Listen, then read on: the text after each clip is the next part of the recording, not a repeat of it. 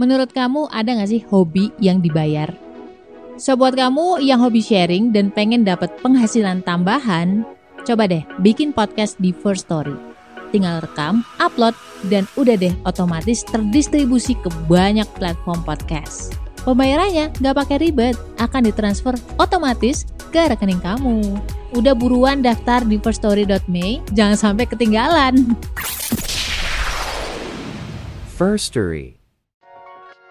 Buat teman-teman yang pengen nambahin cerita gue atau pengen nanya-nanya, boleh banget klik link komen di bawah.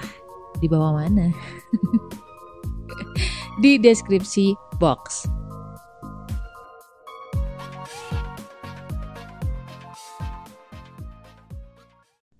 Assalamualaikum Karya, mau nanya, dosa nggak sih kita emosi ke orang karena kelakuannya yang buat kita sakit hati? Tapi kita marahnya nggak dikeluarin. Udah, nadanya nggak kayak gitu. Tapi kita marahnya nggak dikeluarin, alias pendam dalam hati aja. Gue bisa langsung ngejawab untuk masalah hukum karena memang dari Al-Quran dan juga dari beberapa ustadz itu menyatakan bahwa niat jahat itu akan jadi dosa setelah jadi action atau setelah jadi tindakan.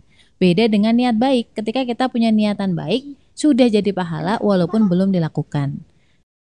Nah, pertanyaan berikutnya ini yang agak panjang nih, butuh waktu tiga hari tiga malam. Ayo lo, siap nggak? Nah, kalau berkaitan dengan apa tuh tadi emosi ke orang karena kalau karena kelakuannya yang buat kita sakit hati dan marah kita tuh nggak dikeluarin. Ini mungkin agak sedikit berbeda ya dengan tips-tips di luaran sana. Gue hanya akan sharing bagaimana cara gue untuk uh, mengatasi itu. Bisa jadi kan karena orang lain dengan tipsnya itu disesuaikan dengan watak mereka. Begitupun dengan gue. Kan masing-masing orang cara copingnya itu beda-beda ya. Semoga pengalaman gue, bagaimana cara gue mengatasi emosi terhadap orang lain bisa menjadikan apa ya wacana atau tambahan wawasan buat lo lah ya. Ya syukur-syukur bisa ditiru. Kalau misalkan lo punya cara yang lebih baik, lebih fit sama kamu, lebih cocok sama karakter kamu, ya monggo, ndak apa-apa. Assalamualaikum. Gimana kabar lo? Alhamdulillah. Apakah lo lagi ngerasa kesepian atau sendirian? Kenalin gue Ria Marliana, teman healing lo di podcast Self Healing. Di sini kita bakal ngobrol bagaimana sih belajar berdamai dengan luka, tentu aja atas izin Allah Subhanahu wa taala. Semoga Allah sembuhkan lukamu, ringankan bebanmu dan kuatkan hatimu. Yang pertama, bisa jadi memang orangnya tidak sengaja untuk nyakitin, hanya karena perbedaan watak, hanya karena perbedaan sudut pandang, gaya komunikasi. Itu bisa jadi clash, bisa jadi berantem. Sebenarnya hanya salah paham saja, salah memahami watak masing-masing. Jadi gue kadang-kadang berpikir bahwa oh mungkin dia mau dapet, oh mungkin dia lagi kurangan duit gitu, atau mungkin dia dulunya itu tersakitin atau dia jiwanya itu lagi sakit, ya kan? Kan bisa jadi orang yang jiwanya sakit itu biasanya suka menyerang balik orang lain, yang mudah emosian, yang mudah baper, yang mudah berlebihan lah reaksinya. Jadi gue mencoba untuk mencari uzur, mencari alasan. Pun andai kata dia benar-benar yang pengen nyakitin kita nih, itu pasti dia punya maksud. Apa yang dia mau dari gue? Oh dia pengen gue kepancing emosinya. Oh bisa jadi dia pengen gue down. Dia pengen gue berhenti di jalan ini. Bisa jadi kemarin gue sempat nyakitin dia terus sekarang dia balas dendam. Makanya dia pengen nyakitin kita secara sengaja. Jadi ada yang dia mau sehingga dia melakukan itu ke kita. Contoh, ada orang yang nyebelin banget. Ternyata dia butuh diperhatiin. Ada orang-orang yang butuh kasih sayang. Atau misalkan dia marah-marah karena pengen kita ngasih duit gitu kan. Pernah ketika gue sempat viral sama Mbak Rina Nose itu karena banyak orang salah paham itu banyak yang nyerang secara personal bahkan DM. Iya, gue sampai kaget bisa ya gitu. gue gak nyerang mereka, mereka nyerang gue. Ada salah satu yang gue sempat baca tuh dia ngata-ngatain lah. Gue nggak perlu sebut di sini Intinya apa yang dia mau coba? Dia pengen gue berhenti ngomongin tentang konten child free. Dia pengen gue down, dia pengen gue merasa rendah diri, Gak secara gamblang ngomong seperti itu, tapi dia pengen gue berhenti konten. Nah keinginan dia terhadap saya, apakah perlu saya turutin? Kan enggak. ya gue senyumin aja. Lu siapa? Kan gitu ya. Jadi di situ lu harus bisa menganalisis dulu kenapa dia nyakitin lo. Pasti ada yang dia mau dari lo. Nah, apakah lu mau memberi apa yang dia mau atau enggak itu pilihan kamu. Yang kedua, ada tipe-tipe orang yang memang sukanya nyakitin. Itu udah jadi kepribadian kepribadian gejala-gejala narsistik atau gejala-gejala psikopat gitu lah ya. Dia menikmati ketika melihat orang lain tersakiti olehnya. Gua memang tipikal orangnya bukan keluar. Fokusnya bukan keluar, tapi fokusnya ke dalam. Fokus ke dalam artinya gue lebih cenderung ke introversion ya. Introversion itu lebih introvert. Tidak akan fokus lagi kepada orang itu begini, begini, begini, begini. Wasting time. Kenapa? Karena banyak orang kayak gitu zaman sekarang. banyak orang-orang yang menikmati menyakiti orang lain. That's psycho sih.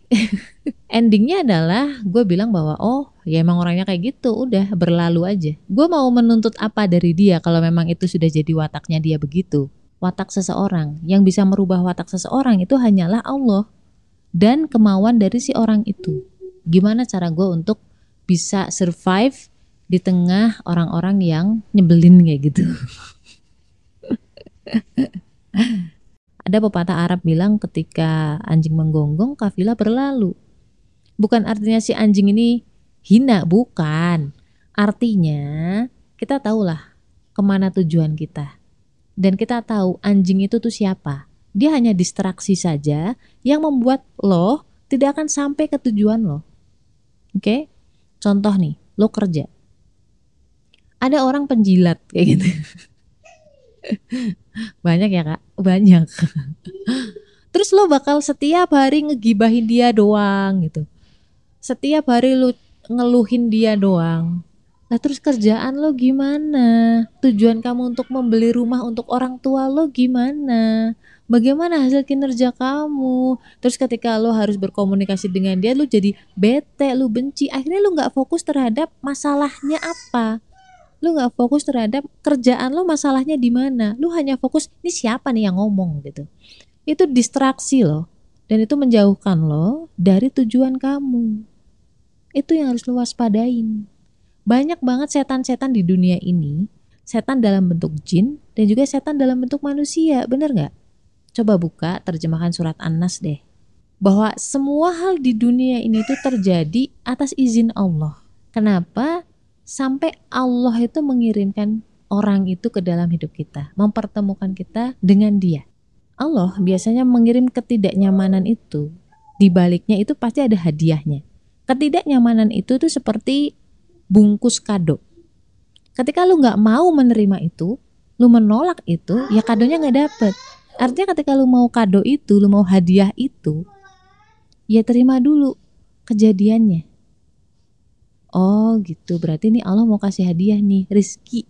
Entah rizki dihapus dosanya, entah rizki dalam bentuk uang, dalam bentuk jabatan, dalam bentuk kesuksesan. Banyak loh orang-orang yang tidak paham tentang konsep rezeki yang paling mendasar seperti ini. Banyak, makanya orang terus pada nggak terima, terus akhirnya mereka struggling sendiri, nggak move on move on. Karena apa? Karena mereka belum sampai ke tahap membuka kadonya. Kardusnya harus lo terima Ketika lo bisa menerima dengan istighfar mungkin dengan bilang alhamdulillah, sabar aja, sabar dalam membuka hikmah atau kadonya. Itu banyak loh orang-orang yang mendapatkan rezeki dalam bentuk dunia karena dia sabar. Banyak, banyak kejadian. Banyak case. Jadi di situ gue mulai memahami bahwa oh Allah tuh mau ngasih gue rezeki nih. Dan rezeki buat Allah tuh yang mahal adalah rezeki akhirat. Rezeki dunia mah kecil, gampang. Pasti Allah kasih even ya, even lo didolimi sekalipun nih, didolimi itu berarti hak lo itu diambil sama orang atau dicuri atau ditipu gitu, lo tuh nggak rugi tau. Kenapa? Karena ketika hak lo diambil dan lo sabar gitu, tidak membalas dendam, si orang yang ngedolimin kamu itu bakal menuai dan apa yang hilang darimu itu bakal diganti sama Allah. Jadi kan nggak rugi lu nggak perlu nyumpah nyumpahin juga sama orang itu kenapa lu nyumpahin dia kena imbasnya wong nggak usah disumpahin pun endingnya juga dia dapat kena balasannya gitu ketika lu didolimin dan lu sabar lu dikasih senjata sama Allah apa doa yang tidak ada hijab atau penghalang dari pengabulannya. Doa yang sangat makbul. Mendingan lu gunakan doa itu tuh untuk meminta kesuksesan dunia akhirat, minta jabatan, minta uang ya kan. minta rezeki yang lebih, yang berkah, yang halal dan kenikmatan ketenangan batin. Jadi kalau misalkan lu tahu konsep itu, lu nggak akan fokus lagi tentang dia. Ya dia hanya distraksi saja dari tujuan hidup lo. Semakin lo fokus kepada distraksinya, semakin lama kamu mencapai tujuan hidup kamu. Alhamdulillah ketika ada orang-orang yang menjadi ujian buat diri kamu entah nantinya kamu diampuni dosanya oleh Allah, entah nanti kamu dikasih rezeki yang jauh lebih baik, jauh lebih banyak dibanding yang sekarang. Dan bisa juga jadi momen beristighfar. Jangan-jangan kita lupa nih ketikir pagi petang, kita telat sholat subuh. Jadi kayak diingetin untuk membetulkan lagi ibadah-ibadah kita. Nah terus gimana mbak caranya agar kita bisa tetap fokus ke tujuan ya bisa cuek sama orang-orang kayak gitu sederhana. Serahin urusan itu tuh ke Allah. Jadi ketika gue gemes banget sama orang gue bilang subhanallah ya Allah dia sudah bukan jadi urusan saya lagi. Dia sudah menjadi urusanmu ya Allah. Udah terus gue fokus lagi deh ke kerjaan gue jadi nggak overthinking nggak overfeeling. Jadi kuncinya adalah berserah menyerahkan urusan yang bukan urusannya kita yang bukan menjadi wewenang kita itu ke Allah. Jadi nggak capek. Semoga sharing gue kali ini membantu. Jadi teman-teman siapa pun yang saat ini lagi didolimi atau disakitin oleh siapa pun, ucapkanlah Alhamdulillah berarti Allah mau ngasih kado, mau ngasih rizki lebih kepada kamu jikalau kamu tahu kuncinya. La haula wala quwata illa. Stay love and assalamualaikum warahmatullahi wabarakatuh. Kenapa sih golongan darah B itu pelupa, susah banget ingat nama? Orangnya juga cuek, nggak pekaan, nggak perhatian. Kenapa coba? Bedah itu semua dari buku cerita tentang karakter golongan darah B dengan judul Beauty in a Beast. Order sekarang, link di bio ya. Shh, gue tambahin nih ya, rahasia loh. Memendam amarah itu yang rugi bukan dia. Yang rugi lo sendiri. Kayak nyimpen sampah di dalam jiwa dan raga kita. Kalau lo simpen hal itu bertahun-tahun, bisa berpotensi penyakit, penyakit fisik. Udah, serahin aja semua ke Allah, oke? Okay?